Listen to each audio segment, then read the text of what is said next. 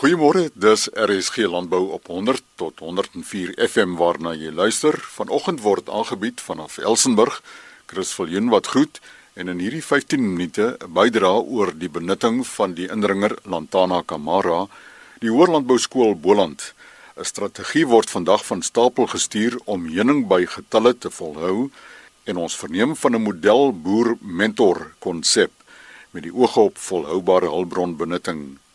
Die indringerplant Lantana camara as 'n potensiële oesbeskermingsagent. Ons verneem by plantteler Dr Lorato Matsuhani van LNR op Rodeplaat. Previously when we had a conversation we spoke about the use of alternative forms of um, crop protection that being utilizing what is known as botanical extracts. These are plant-based extracts which come to pass through a person utilizing the antifungal, antibacterial, and insect repellent properties of the plant.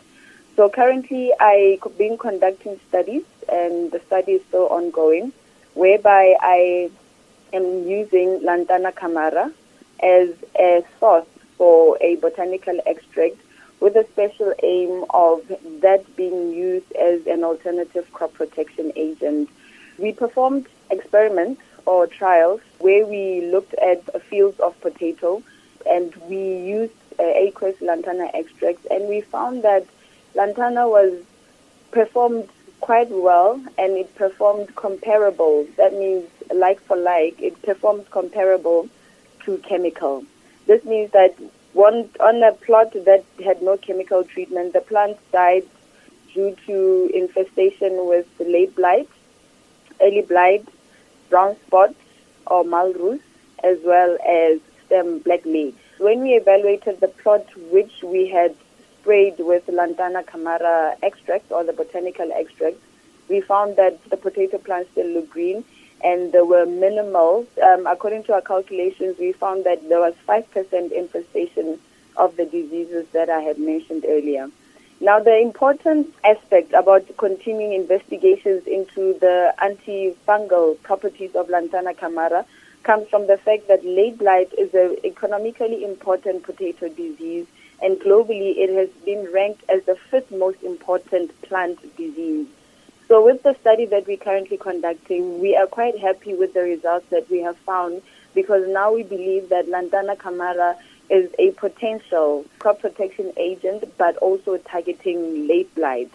The reason this project is so important is that aside from reducing the use of agrochemicals as crop protection agents, we are also looking at reducing input costs. As you might know, Lantana camara is a very is an invasive species, and the Department of Agriculture, particularly the Directorate of Soil and Water Management, are doing a lot of work in terms of trying to control this invasive weed. So when this project succeeds, it will also contribute towards the department's drive of controlling this invasive weed. I'll be glad to share any information that we currently have that we are allowed to share on how to use Lantana camara. We have also conducted a toxicity study because with the Lantana camara, we are not only targeting potatoes, we're targeting a vast array of vegetables, seeing that I am working for the vegetable and ornamental plant um, campus. So we have done a toxicity study and we have found that within five days post spraying with Lantana camara, because it's a biological product, the active ingredients have completely um, degraded, thus making the food that is has been sprayed with the lantana suitable for consumption. Dr. Lorato Matsauniani van LNR Rodeplaat haar e-pos L M A T S A U N A A N E by arc.agric.za. Skoolhoof Chris Fourie van Hoërlandbou Skool Boland in die Parel het vanoggend 'n boodskap wat 'n landbouer se hart warm laat klop. Ons in die Boland en spesifiek hier by Boland Landbou Skool is regtig bevoorreg. Ons koring en haver is geplant en dit was net betyds vir die eerste goeie winterreën en is opgevolg deur lekker warm herfsdae wat die nodige sonskyn en hitte verskaf vir die aanvanklike groei. Ons staan ook maar net weer in verwondering oor hoe dankbaar ons grond is en hoe die landskap binne dae verander. Dit is juis dan dat ek glo dat elke seun wat die voorreg het om op 'n plaaskool te gaan, soos hier by ons, verstaan dat ons rentmeesters is en 'n verantwoordelikheid het om dit maksimaal en tot voordeel van die mense in ons land te gebruik. Enige iemand by die landbou betrokke weet dat dit met voortdurende veranderings en uitdagings gepaard gaan. Vanjaar het ons dit in 'n erger mate ervaar met die droogte, maar die uitdagings lê nou voor ons met die seëninge wat ons ontvang. Nou die dag het ek die voorreg gehad om die opgewondenheid te ervaar. Ons graad 8 seuns het elkeen sy eie groenteakkertjie waar hy moet verbou en plant. As gevolg van die watertekort moes ons wag vir die reën. Hulle kon nie wag nie. Toe die klok lui vir die aanvang van 'n nuwe periode, merk ek twee seuns wat afhardloop plaas toe. Dit kan mos vir legio redes wees.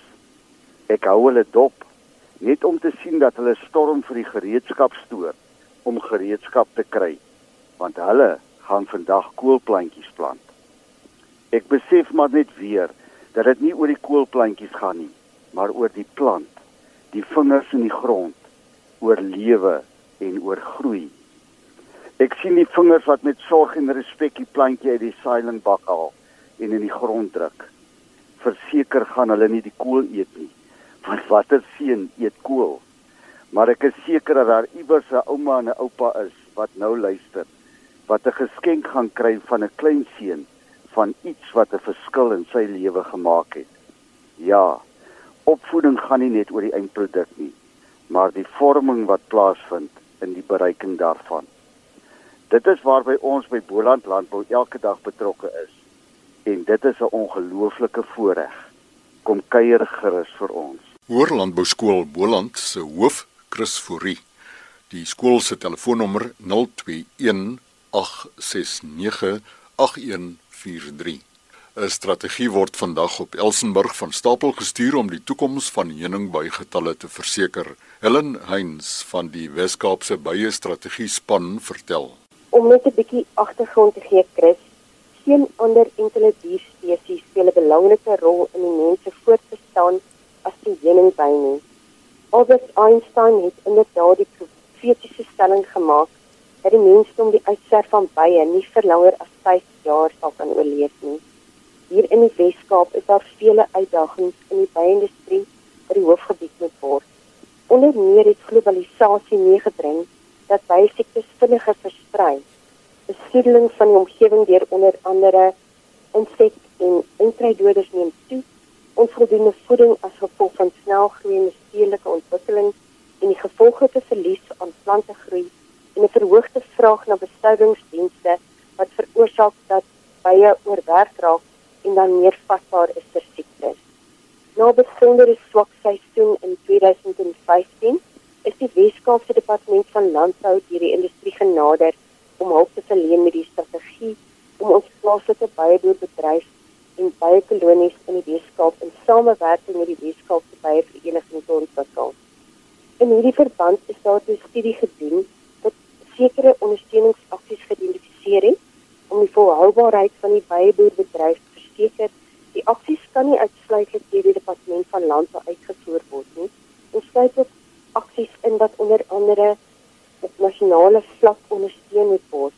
Ons verwys hier byvoorbeeld na die registrasieproses van byeboere en korwe. Hierdie word vandag op 1 Junie formeel bekend gestel deur die minister van ekonomiese geleenthede Ellen Windy, provinsiale minister, by Elsenburg en sal bygewoon deur lede van die industrie en die bestuurskomitee onder leiding van Dr. Dirk Trossie van die departement van landbou. Meer inligting oor die strategie kan na die bekendstelling op die departement van landbou se webwerf www.elsenburg.com of by 031 808 5008 verkry word. En die baie strategie word vanoggend op Elsenburg bekend gestel. Ons het gesels met Helen Heinz, een van die spanlede. Die verwysingsweb is www.elsenburg.com. Nou Karoto, Leeman Lindetjie is projekbestuurder van die volhoubare hulpbron benuttingsprogram van die Verenigde Nasies, die VN.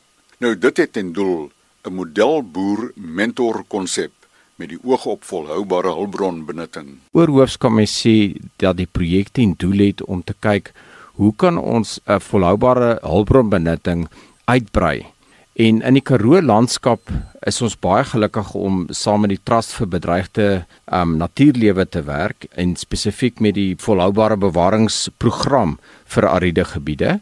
En ons projekbestuurder daar is meneer Kobus Tron en hulle het met die konsep vorendag gekom van 'n model mentor konsep En die gedagte daar agter is basies net dat boere bymekaar moet leer.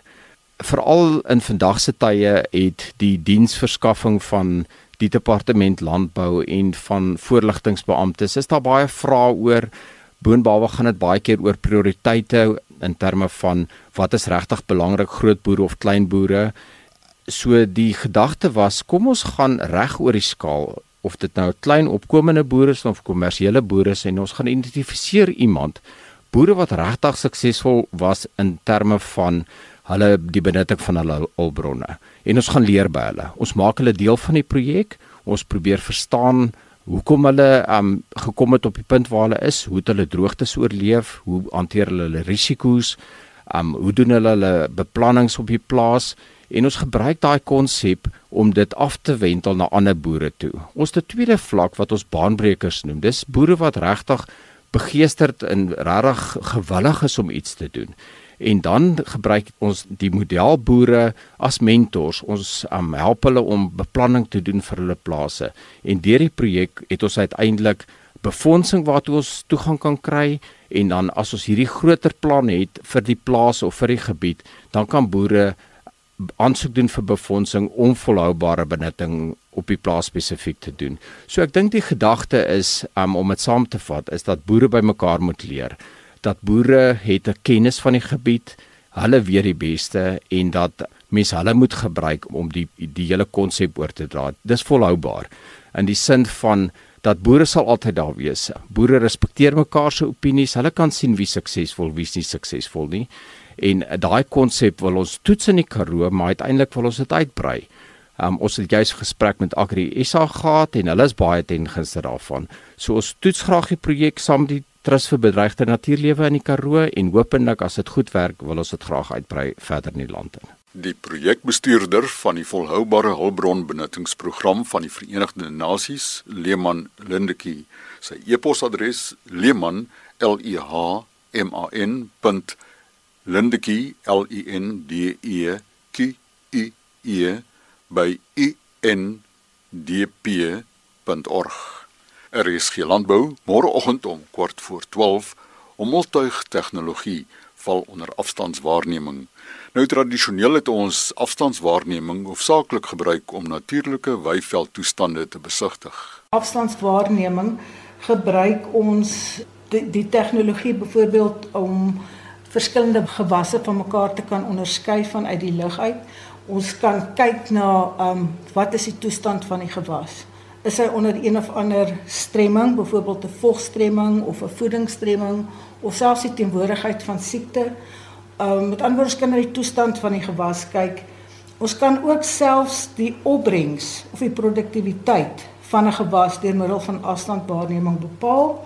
Ons kan ook byvoorbeeld kyk wat is die bedekking soos lucerne. Wat is die plantestand? Wat is die digtheid van die ehm um, gewas?